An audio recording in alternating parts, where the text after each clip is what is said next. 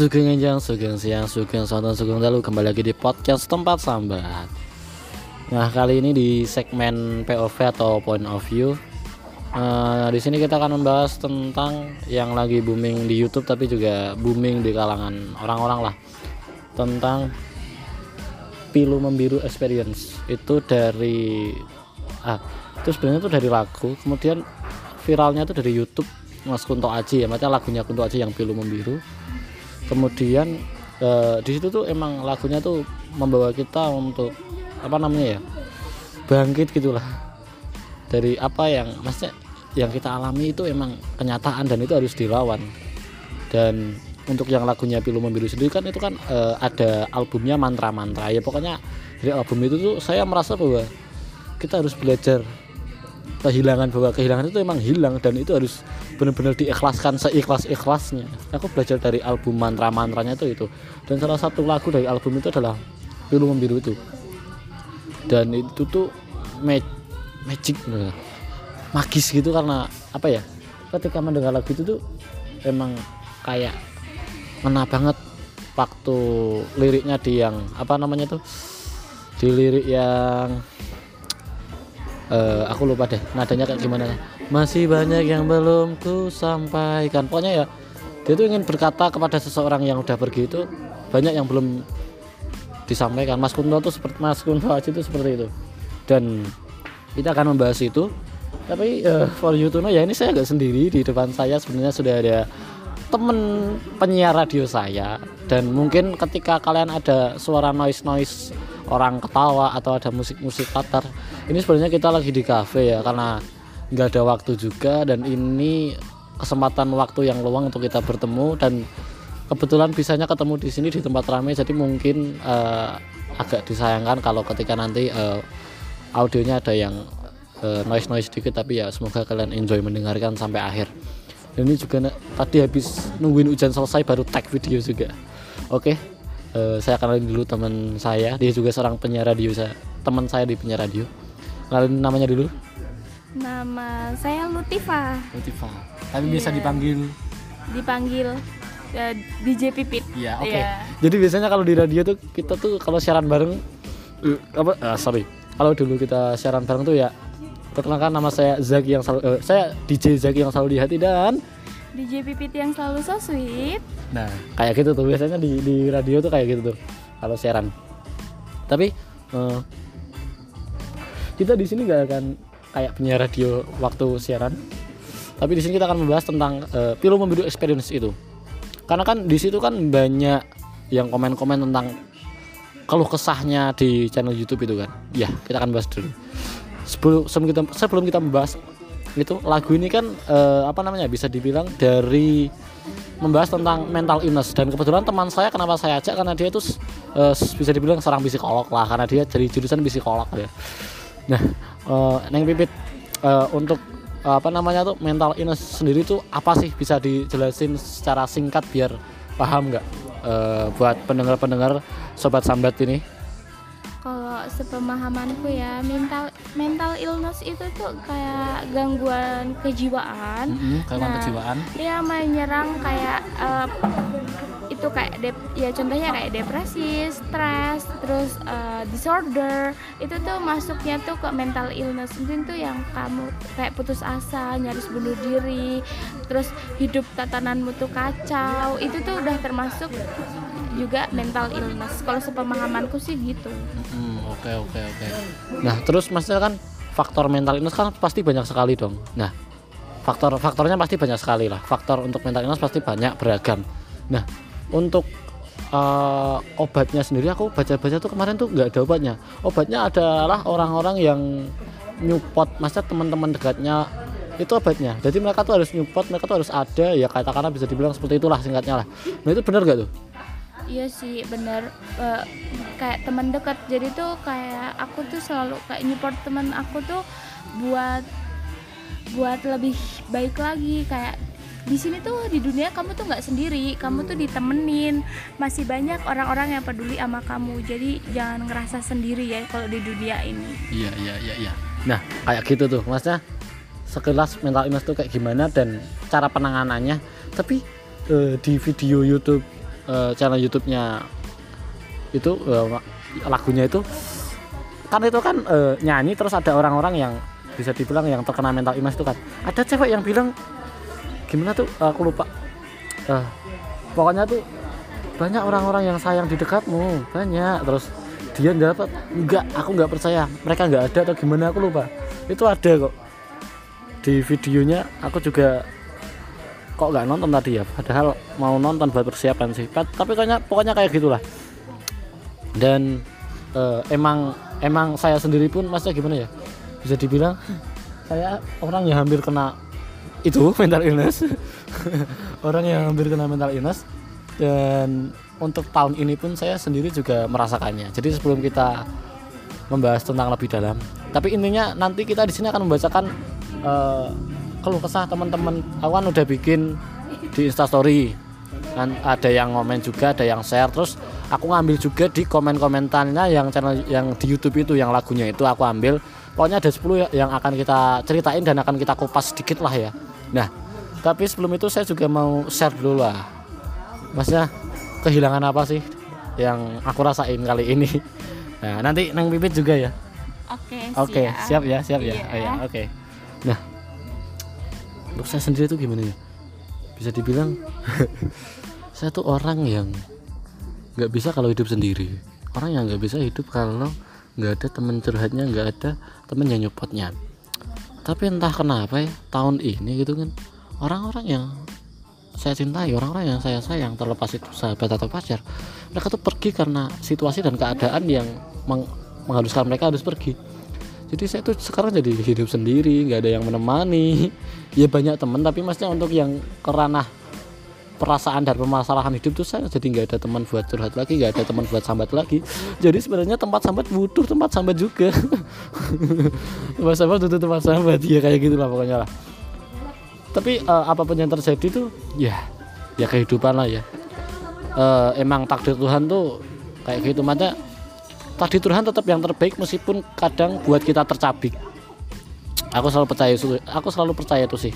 Orang Tuhan yang maha pengasih dan maha penyayang aja masih kita anggap nggak peduli sama kita macam nggak adil sama kita. Lantas kita sebagai manusia kenapa masih tidak mengharapkan untuk di kenapa kita sebagai manusia juga tidak mengharapkan untuk tidak dikecewakan oleh manusia juga? Paham nggak nih? Sabda-sabda paham jadi ya buat kalian yang merasa dikecewakan oleh orang lain ya ya saya memahami apa yang kalian rasakan karena saya sedang merasakan ini dan sudah setengah tahun saya eh, bisa dibilang merasakan ini sendiri dipendam sendiri. Iya dong malah curhat ngarep yang pipit nih. Oke. Kayaknya gitu dulu aja. Gimana tanggapanmu tentang eh, kisahku yang pipit?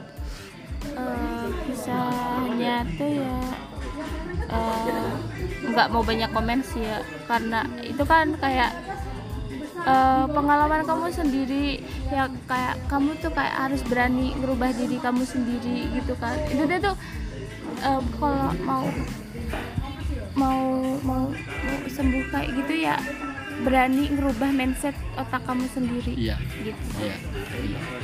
Oke terus gantian yang pipit yang curhat oke. Yang pipit kehilangan apa sih tahun ini atau apa pun itulah yang bisa mengarah ke mental illness Uh, kalau kehilangan tuh aku tuh tipe kepribadian kan anak yang pelupa gitu. Ya aku juga pelupa sih. Kita sama-sama pelupa. Kita menyadari bahwa kita sama-sama pelupa. Nah pelupa. Nah tapi tuh bedanya tuh aku tuh baru aja naruh ntar aku tuh udah nggak inget lagi aku naruh di mana. Itu tuh sampai berminggu-minggu berhari-hari sampai berbulan-bulan juga. Baru keinget. Jadi iya. Kayak baru enggak setelah empat hari ah barangku ternyata sudah tidak ada. Iya. Ya. Tapi kalau tahun ini tuh eh, yang bikin aku putus asa tuh kan bukan ke bukan kayak kehilangan ya tapi kar- karena kayak kejujuran kejujuran teman aku yang bikin aku tuh kayak frustasi gila diri gitu nyaris bunuh diri. Gila gila. Heeh. ternyata kita sama-sama hampir mental illness ya. Iya serata tapi serata dia langsung iya. Heeh. tapi aku tegar kok aku santai aku juga tegar meskipun eh, jabone tek apa jabone tegar jerone ambiar. Oh, iya. Ya meskipun kayak gitu ya tetap lah. Aku tuh uh, teman-teman aku tuh bilangnya tuh pas kuliah ini katanya tuh kamu pas sekolah tuh selalu dibilangin uh, sok sok sok ya sosokan terus sok pintar sok alim sok ini sok sok semua ya padahal sok. padahal kita nggak kayak gitu ya iya padahal aku tuh kayak ngerasa ya aku be aja aku, aku jadi diriku sendiri gitu. iya ini ini tuh aku uh, ini tuh stylist aku ini kepribadian hmm. aku hmm. gitu jadi tuh kalau komen boleh tapi kalau mau komen bisa nggak langsung di depanku jangan nyebarin aibku ke orang lain lagi iya gitu. menjudge gitulah iya yang nggak suka tuh gitu. Nah ketahuan ya kenapa harus tahun ini gitu? Oh, iya. kenapa nggak nggak nggak dari dulu gitu? Oh, nggak dari dulu aku tahunya. Jadi tuh biar aku biar aku tahu kesalahan dari dulu tuh biar aku bisa perbaiki. Oh, di mana oh, gitu? di mana? Bukannya sekarang baru aku perbaiki gitu. Iya iya iya. Aku paham aku paham. Dan for you to know neng pipit di sudut matanya sudah ada benih-benih air mata makanya tadi saya me memberikan tisu. Jadi, uh, saya mungkin akan menambahi mas ya. Lebih dalam lagi bukan menanggapi ceritanya Neng Pipit ya. Iya aku tahu sih mas yang Neng Pipit alami kayak gitulah. Ya saya juga mau cerita juga lah ini ya. Mumpung-mumpung di podcast sendiri cerita sendiri tentang mental illness ya yang saya alami juga lah. Ya masnya kalau Neng Pipit kan karena eh, orang-orang tuh baru jujur tentang dirinya saat ini orang-orang di sekitarnya maksudnya ya. Harus jujur tentang dirinya tuh kayak gimana. Mereka tuh nggak mau cerita langsung mereka tuh malu-malu ragu-ragu dan setelah ini langsung deal semuanya diungkapkan gitu kan nah kalau aku sendiri aku tuh agak menyayangkan tuh gimana ya? Aku agak menyayangkan kenapa tuh aku tuh masih berada di fase ini dan aku tuh nggak bisa bangkit dan aku tuh stuck banget gitu loh. Maksudnya kayak semuanya sahabat-sahabatku pergi kan aku kan punya empat sahabat eh tiga sahabat cewek tiga sahabat cewek mereka tuh pergi karena keadaan. Spesifik aja lah ini lah. E, yang satu pergi karena dia udah bukan berarti pergi meninggalkan gua tapi dia sibuk dengan dunianya. Yang pertama itu e, dia jadi pengurus ustazah di pondok. Yang satunya itu dia pindah kampus. Sekarang dia udah nggak kampus lagi sama aku. Kalau dia udah di Cirebon yang satunya udah wisuda. Tiga sahabat terdekat tuh mereka pergi karena keadaan dan situasi men jadi saya tuh merasa kehilangan sahabat. Nah tiga sahabat cewek saya pergi. Padahal saya tuh seneng curhat sama cewek gitu kan. Makanya entah kenapa enak enjoy aja sama curhat sama cewek tuh beda dengan cowok. Kalau cowok tuh uh, uraan lah pokoknya lah ura uraan lah nggak bisa yang serius gitu yang memahami gitu pokoknya kayak gitu kayak gitulah terus tapi ada juga sih sebenarnya satu cowok yang deket sama aku yang memahami aku tapi dia juga pergi. Nggak pergi yang karena maksudnya karena dia pergi dariku enggak tapi karena dia sekarang udah punya istri jadi dia quality time sama istrinya. Dia adalah rekan tempat sambat saya kru tempat sambat saya. Kayak gitulah. Makanya uh, di entah di IG entah di YouTube entah di podcast jarang upload jarang konten lagi ya karena nggak ada teman konten lagi. Sekarang cuma sendiri kontennya sendiri saya. Dan dan saya, saya sebenarnya tuh saya sudah apa namanya sudah ancang-ancang nak coro Jawa ini wis merencanakan wis ngiro-ngiro lah. Nah mereka tuh bakal pergi semuanya. Nah makanya setengah tahun yang lalu saya mengamini kehadiran seseorang untuk hidup uh, mendampingi hidup saya. Ya bisa dibilang kayak pacar gitulah. Pacar lah pokoknya. Nah karena saya kan dulu kan punya pacar juga tapi habis ditinggalin ditinggalin dan sebenarnya kalau ini mau lebih dalam lagi tempat sambat ada karena mantan saya yang eh, pacaran sama saya beberapa tahun dia yang bikin saya bikin tempat sambat. Karena dulu dia adalah tempat tempat tempat sambat saya. Dan apa namanya tuh?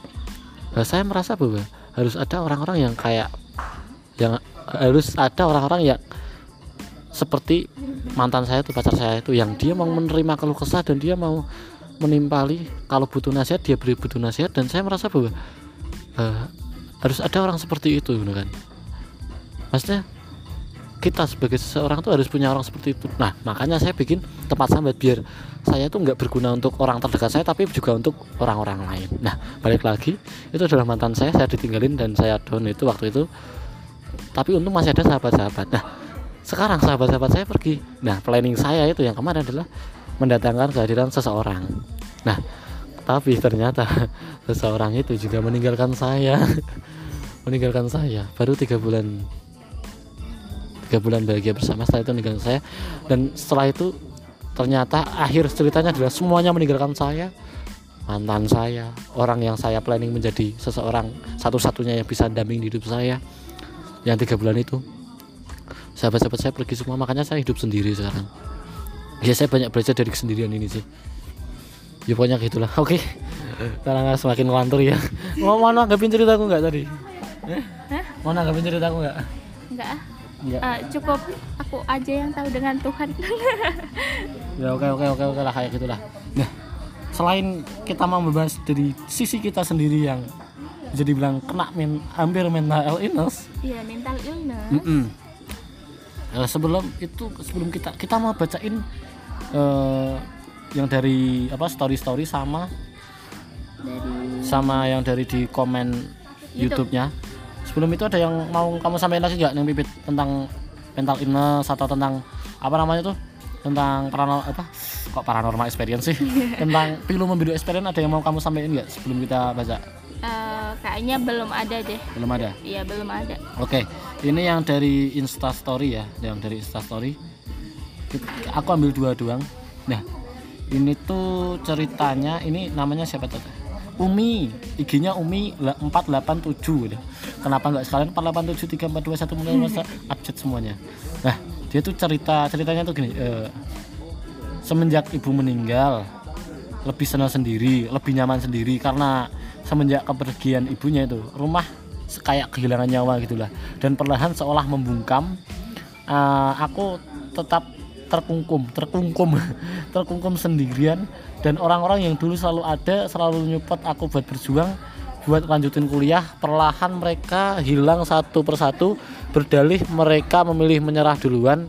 Kalau sekarang aku cuma punya topeng iya topeng. Yang ya ya topeng yang akan aku pakai setiap pagi agar orang lain menganggap aku tetap dalam baik-baik dalam keadaan baik-baik saja. Kalau menurutmu gimana nih, maksudnya tangga tanggapan? Eh, menurut aku ya ini tuh ceritanya tuh eh, satu ya dia itu kurang terbuka lah orangnya. Eh, karena dia tuh terlalu fokus sama kehilangan ibunya. Dia tuh nggak bisa move on sama kenangan-kenangan ibunya gitu. Nah terus tuh harusnya tuh kayak dia tuh berani buka mindset dia dia tuh berani buka lembaran baru lagi Mm-mm. dan berani buat berteman lagi gitu loh jadi nggak nggak nggak nutup diri lah intinya dia tuh di cerita ini tuh kayak terlalu menutup diri kalau menurut aku sih Iya iya. Nah, tanggapannya keren kan, psikolog gitu kan. Iya.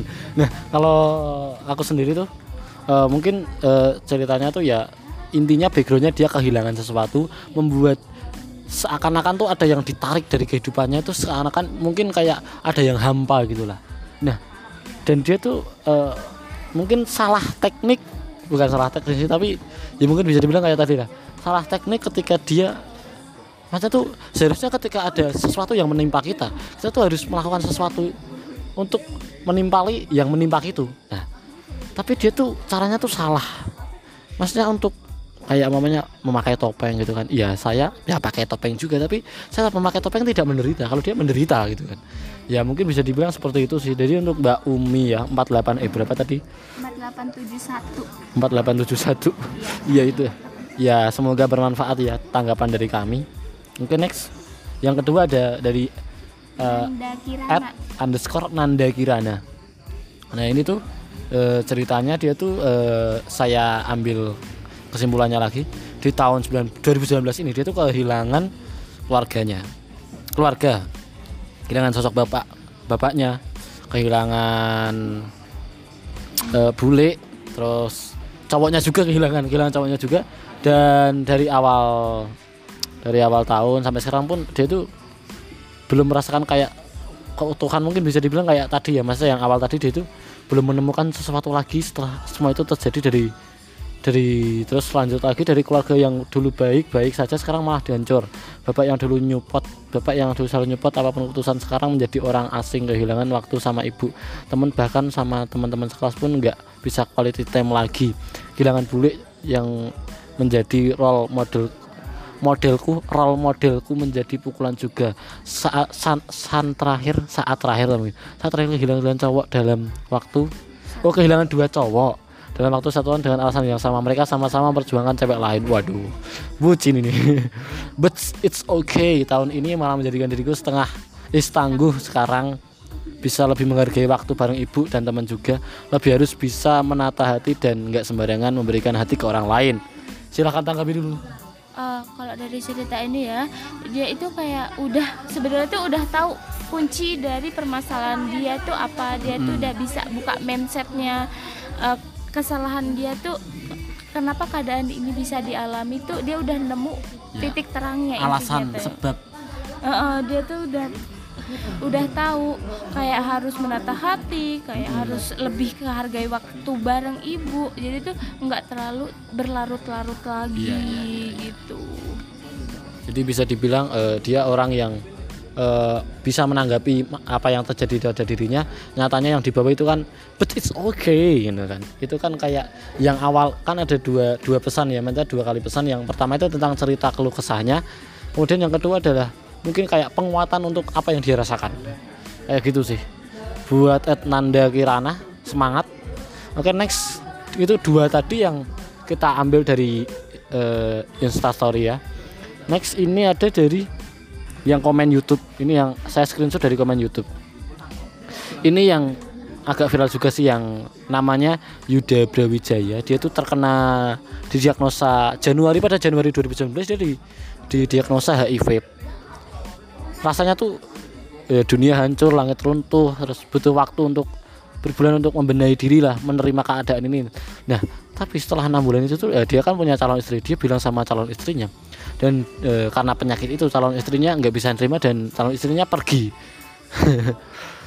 Nah, terus selain itu dia tak e, apa namanya sebelum e, kan dia nggak bisa nerima keadaan e, itulah yang calon istrinya itu. Terus sebulan kemudian tuh e, masalah yang lain tuh muncul gitu kan kayak di pekerjaan jadi dia tuh sering depresi stres depresi sampai didiagnosa anxiety apa tuh apa anxiety disorder. Ya nanti jelasin ya. Oke terus apa yang dia cari hilang, apa yang dia kejar lari, apa yang but ya saya butuh rehat terlalu lama saya naif pada Tuhan. Padahal masih banyak yang belum sempat aku katakan pada dia. Tapi dia pergi semua pergi ya Tuhan 2019 tahun yang berat sekali. Hanya satu doa saya sekarang tahun 2020 semua bisa saya susun lagi buku-buku yang terlanjur berantakan di raknya. Dari raknya dan semua pilu yang membiru bisa perlahan berganti warna. Gila terakhirnya. Oke silahkan tangkapin dulu kamu biasa uh, oke. Okay. kalau dari cerita ini tuh aku ngeliat tuh kayak uh, versi lain dari cerita Nabi Lut Nabi Lut Nab, eh uh, kok Nabi Lut sih? Nabi itu siapa sih? Nabi Ayub?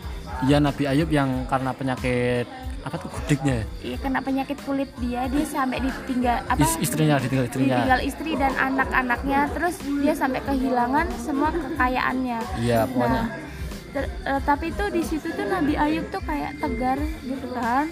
Dia selalu berdoa sama Tuhan. Dia percaya kalau ini tuh cuma cobaan sementara, cobaan sementara. ya karena kehidupan itu kan kayak roda. Hmm. kadang kita di atas kadang kita di bawah. Hmm. nah mungkin ya Yuda Barawijaya ini tuh lagi di titik yang di bawah bukan lagi di atas. Nah jadi tuh semua tuh butuh proses. Nah kalau dia bagus sih karena dia memutuskan memberitahu calon istrinya itu iya, iya, bagus itu banget. tindakan-tindakan ya. yang tepat. Karena jadi tuh bisa bedain mana yang benar-benar setia buat kamu mana yang enggak, enggak kan mau jadi, menerima keadaan apa adanya ya itu tuh bisa kelihat dari cobaan ini. Hmm. terus uh, terus di sini ada juga diagnosa anxiety disorder ya, ya. itu terangin dulu itu. Anxiety disorder itu khawatir yang berlebihan kalau sepemahamanku uh, uh, khawatir yang berlebihan sampai mengganggu aktivitas sehari-hari dia. Oh, jadi gara-gara satu hal dia tuh jadi mengganggu kehidupannya entah itu pekerjaannya entah itu apa pun itulah uh, uh, kuliahnya mungkin iya. atau dan ini tuh karena dia tuh karena khawatir berlarut-larut jadi tuh sebenarnya tuh masalahnya tuh kayak ya aku tahu HIV itu berat. berat banget lah ya. tapi tuh nggak usah dibawa kayak terlalu terlarut-larut gitu loh. Mm-mm. Eh, oke kamu tuh tinggal fokus sama penyembuhan kamu. Jangan mikirin yang lain. Ya, fokus yang itu yang lain itu ya. Bumbu-bumbu itu nggak usah. Ya nggak usah terlalu diperhatiin bener-bener gitu loh. Biar eh, nggak tercecer semua dari pekerjaan terus keadaan keadaan dirinya sendiri intinya tuh kayak haruslah intinya tuh kesembuhan nomor satu ya oke biar nggak stres depresi Nah, kalau saya sendiri nggak mau nanggapin lebih, tapi intinya saya cuma salut dulu sih. Salut, keren dalam keadaan yang seperti ini. Penyakitnya, dia berani jujur kayak yang bilang tadi. Terus eh dia dia mencoba untuk membenahi diri lagi. Ya sampai kan dia kan juga sampai diduk diagnosa yang anxiety itu kan, anxiety itu kan. Jadi ya aku salut sih jujur keren. Kamu bisa, aku aja yang punya masalah kayak gini aja udah kayak merasa paling ah itu ya. Ya masa ada ya. Oke next. Nanti berlalu-lalu ini ini ini aku ini kan eh ini selanjutnya itu saya mau bacain Panji Pragiwaksono. Ya ini adalah artis favorit saya. Bukan artis tapi ininya panutan hidup saya. Panji itu sampai bilang nanti yang video lagu ini ya. Tolong dong ini menang apa kek? Grammy, Piala Citra, Oscar, AMI, apalah. Pokoknya kasih menang apa gitu ini teramat juara sekali selamat bro. Nggak mas itu sampai panutanku aja bilang kayak gitu. Jadi aku aku baru pertama kali loh lihat dia komen di YouTube dan ini tuh keren banget masnya. Sampai ada eh kok sampai ada aja ya sampai panutanku tuh eh, apa ya respect sama video ini. Gila emang harus diapresiasi. Ini mas itu itu bukan sekedar musik yang musik ya tapi itu musik yang punya aura yang bisa membangkitkan yang bisa membawa. Meskipun itu musik digital. Keren. Mas Panji Pragiwaksono terima kasih udah ikut support. Oke next. Nah kan itu kan banyak komennya ya. Nah itu aku ada ada ada seneng tuh kata-kata ini ya ini bukan persaingan siapa yang paling menyedihkan tapi ayolah kita semua bisa saling menguatkan semangat teman-teman gitu kan. Maksudnya kan di sini kan banyak yang apa namanya tuh yang keluh kesah tentang apanya lah tentang masalahannya dan sebagainya. Tapi ada orang yang bilang ya lah nongkrong ini orang ajang orang ajang gawe siapa yang paling menderita siapa yang paling menderita? Tapi eh di sini tuh kita saling menguatkan aja lah. Terus ini aku tuh yang ini tuh bingung tentang diri sendiri entah membutuhkan orang lain atau pikiran tak sejalan dengan orang lain. Dah aku tuh juga agak bingung sih. Kan emang kan aku juga merasakan sendiri. Maksudnya kayak aku entah membutuhkan orang lain. Aku sebenarnya tuh membutuhkan orang lain kah? Atau emang karena pikiranku tak sejalan dengan orang lain makanya orang lain nggak mau menerima aku atau nggak mau ya intinya nggak bisa sama aku lah. Kalau kamu gimana? Kamu nanggapin ini tuh kalau ini ya kalau menurut aku tuh bukan bingung tentang diri sendiri bukan bingung tentang diri sendiri ya. Karena setiap individu kan pasti membutuhkan orang lain tuh pasti butuh kan. Betul, pasti butuh, iya, ya. karena bukan manusia tuh bukan seorang individualis bukan. Nah terus eh, pikiran tak sejalan dengan orang lain tuh eh, mindset kita tuh tinggal diginiin nggak semua orang bakal berpikir kayak kamu iya mas kan Iya. semua orang kan pikirannya beda-beda Iya, setiap orang tuh punya pendapat, punya hak, punya hak beda-beda gitu. Jadi tuh jangan dipukul rata Iya. kayak eh bukan kayak pemikiran kamu bukan sama pemikiran orang lain tuh. Jadi bukan bukan orang lain yang harus ikut sejalan, tapi kamu lebih terbuka lebar lagi pikiran kamu biar kamu tuh bisa tahu perbedaannya. Di mana biar kamu bisa klop lagi sama orang lain gitu. Oke, jadi mungkin eh, dia masih bingung keluar dari apa yang sedang dia alami, apa yang sedang dia rasakan. Jadi mungkin eh, saran saya ya, kamu tuh sebenarnya tuh, eh, eh, Pak Reynaldi ini ya, ya bukan saran sih, tapi apa yang aku sarankan juga, apa yang aku rasakan kok sarankan. Ya emang kadang tuh kita nggak bisa memahami orang lain dan orang lain nggak bisa memahami kita. Jadi lebih baik kita berusaha mencoba memahami diri kita sendiri dulu baru memahami orang lain. Biar tidak berpikir bahwa kita tuh butuh orang lain atau pikiran kita tuh sejalan dengan orang lain. Kalau aku sih gitu. Terus next. Nah ini tuh dari Bobby Sinayang. Bobby Sinayang. Ya ini mungkin kalau yang udah aku sampaikan tadi di yang aku sampaikan awal tadi. Waktu sebelum kita bikin podcast kan kita kan ngobrol ya tadi ya Bet uh, masih bertanya tanya apakah selama 21 tahun ini aku sudah menjadi diriku sendiri atau atau aku malah jadi orang lain? Aku tuh aku tuh juga masih bingung untuk yang kehidupanku sendiri aku sudah menjadi diriku alhamdulillah. Tapi untuk yang aku di depan orang lain aku masih kayaknya enggak jadi aku deh. Kalau kamu gimana tuh? Uh, gimana apa? Ya maksudnya uh, kamu nanggapin ini atau kamu juga ngalamin gitu juga? Iya sih kalau ngalamin ya ya gitu sih. Tapi kalau jadi diri sendiri udah kok udah jadi sendiri. Ini tuh kalau ditanggapin ya yang perlu dipertanyain di diri kamu tuh kamu uh, udah sesuai sama pikiran kamu belum? Iya pokoknya uh, ininya balik ama, lagi ke iya, prinsip sendiri. pedoman gitulah iya. kayak gitu Bobby Sinayang 94285 waduh kenapa nama-namanya terakhirnya ada kayak gitu oke okay, next. Ini nih saya, saya bentar bentar. Bentar ini namanya pedik pat sepi tapi dia bilang aku Wulan. Nyebut nama ya? Nyebut nama dia. Di sekolah aku selalu sendiri jalan-jalan aku sendi selalu sendiri. Di rumah orang tua nggak ada yang mau diajak curhat. Semua serba sendiri. Pokoknya dewi terus nih sekalinya punya teman curhat eh cuma, cuma punya teman cuma sebentar. Nggak ngerti apa yang salah dari aku. Yang jelas aku selalu baik sama mereka baik sama mereka tapi mereka selalu hilang pas aku butuh. Oke. Aku ngerasa aku selalu selalu sendiri dan sendiri itu sudah biasa. Untuk diriku sendiri terima kasih sudah tegar iya sendiri Iya iya iya iya maki mau mau mencaci makinya enggak dong? Pengen sih. Wah gitu. Pengen nih caci maki. Nah gimana tuh? Ya dia tuh aneh ya. Dia ngomong selalu sendiri. Nah, nah tapi kenapa dia bisa ngejudge dirinya selalu baik? Mm -mm. Apa yang kamu kira baik itu di pandangan orang lain itu baik? Iya. Kan kita nggak tahu. Mm -mm. Nah pemikiran orang tuh seperti apa? Kita nggak tahu. Mungkin menurut kamu diri kamu baik tapi kalau menurut orang lain uh, kurang baik lah kayak gitu. Karena ya karena ya kita tuh nggak bisa mengoreksi diri kita sendiri. Yang bisa mengoreksi diri kita adalah orang lain. Karena orang lain yang paham dan melihat tingkah laku kita. Kita nggak sadar ngelakuin itu. Oke okay, next. Nah ini tuh uh, aku aku aku bacain singkatnya ya jadi tuh dia tuh yatim piatu uh, dan hari ini waktu dia ngomen itu tanggal 14 no 14 November 2019 tepat 11 tahun ketika uh, dia ditinggalkan oleh al almarhum bapaknya uh, bapaknya itu meninggal nanti dia yatim ya dia itu ketika kelas 3 SMP dua minggu menjelang UN sebelum UN jadi sebelum dulu kan masih zaman zamannya UN itu kan emang berat ya masnya yeah. suatu hal yang di anak SMP dan SMA bahkan SD pun juga merasakan kayak gitulah. Wah itu suatu hal yang sakral hal yang harus ditempuh dengan kemantapan hati kesiapan mental dan pokoknya kayak gitulah. Nah bayangin dua minggu sebelum UN ditinggal bapak. Lah pasti berat. Terus setelah itu belum terasa kosong dan namanya gimana karena masih punya umi.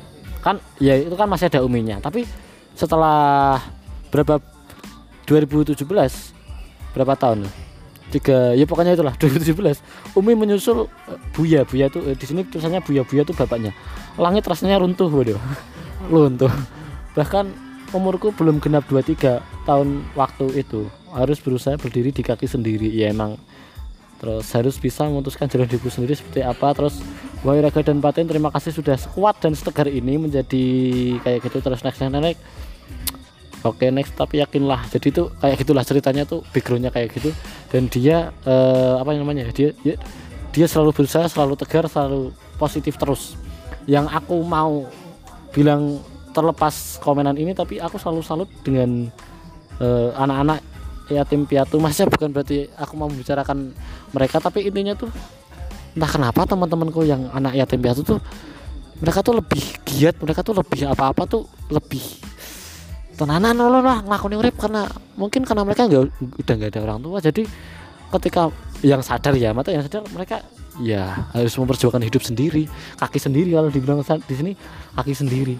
Jadi itu saya selalu respect sama orang-orang yang ditinggal orang tuanya dan dia sudah berjuang sendiri tapi di umur yang masih belia kayak kita. Kok belia sih? Ya masih remaja masih muda lah. Itu salut lah. Dan kayaknya itu saya tanggapan saya. Oke next tanggapanmu. Next uh, ya kurang lebih sama lah kayak sama. Ah, sama. Oke next. Ya, santai.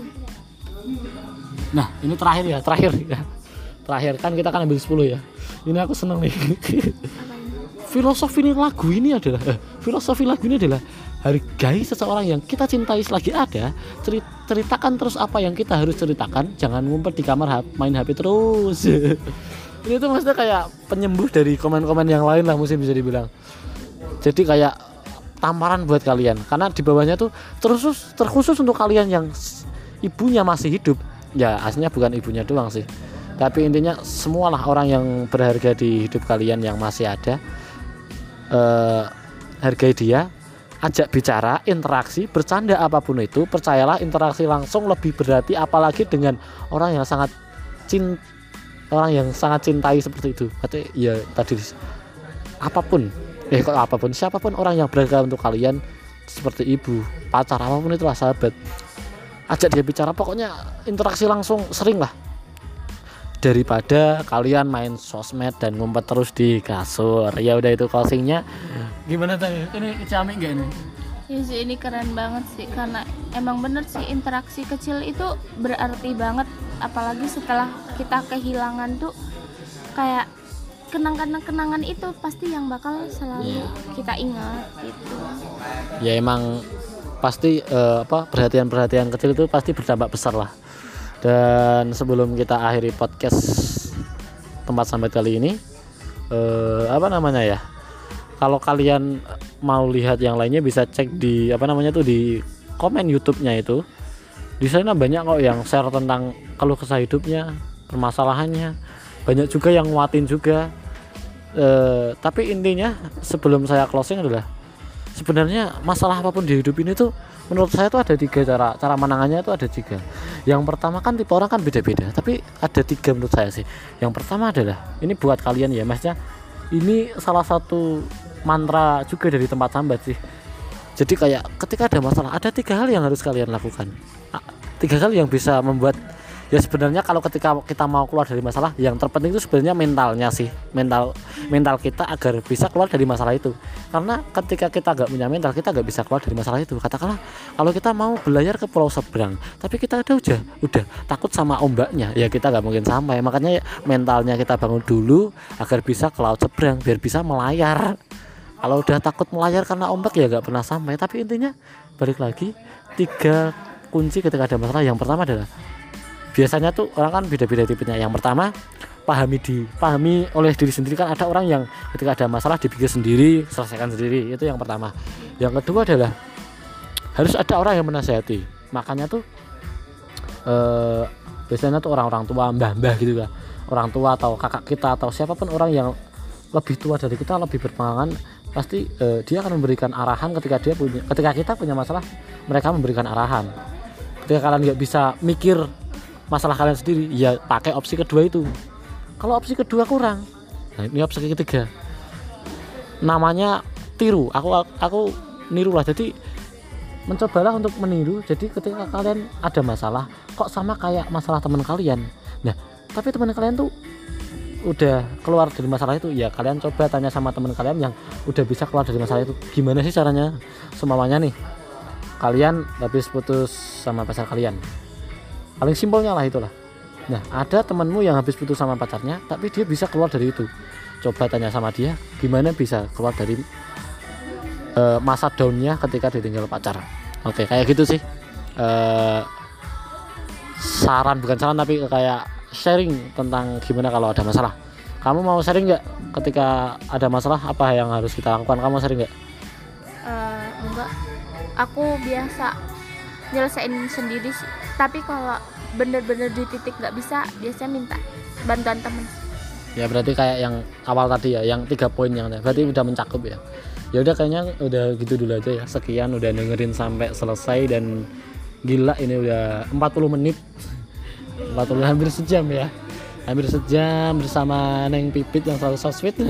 Dan saya Zaki yang selalu di hati pamit undur diri suan wis rungokno. Jangan lupa eh, apa namanya kalau ada mau kritik atau saran bisa DM di IG-nya at tempat underscore sambat. Atau yang mau nimbrung di podcast tempat sambat juga bisa DM aja juga di at tempat underscore sambat. Pokoknya kita tampung deh mau bahas apa mau ngobrol apa mau kayak gimana. Silahkan kalian beri kami eh, inovasi-inovasi saran-saran yang membangun pokoknya. Ya udah kayaknya gitu dulu aja. Makasih yang udah dengerin sampai akhir. Share ilmu ini kalau kalian merasa bahwa ada ilmunya. See you next time. Bye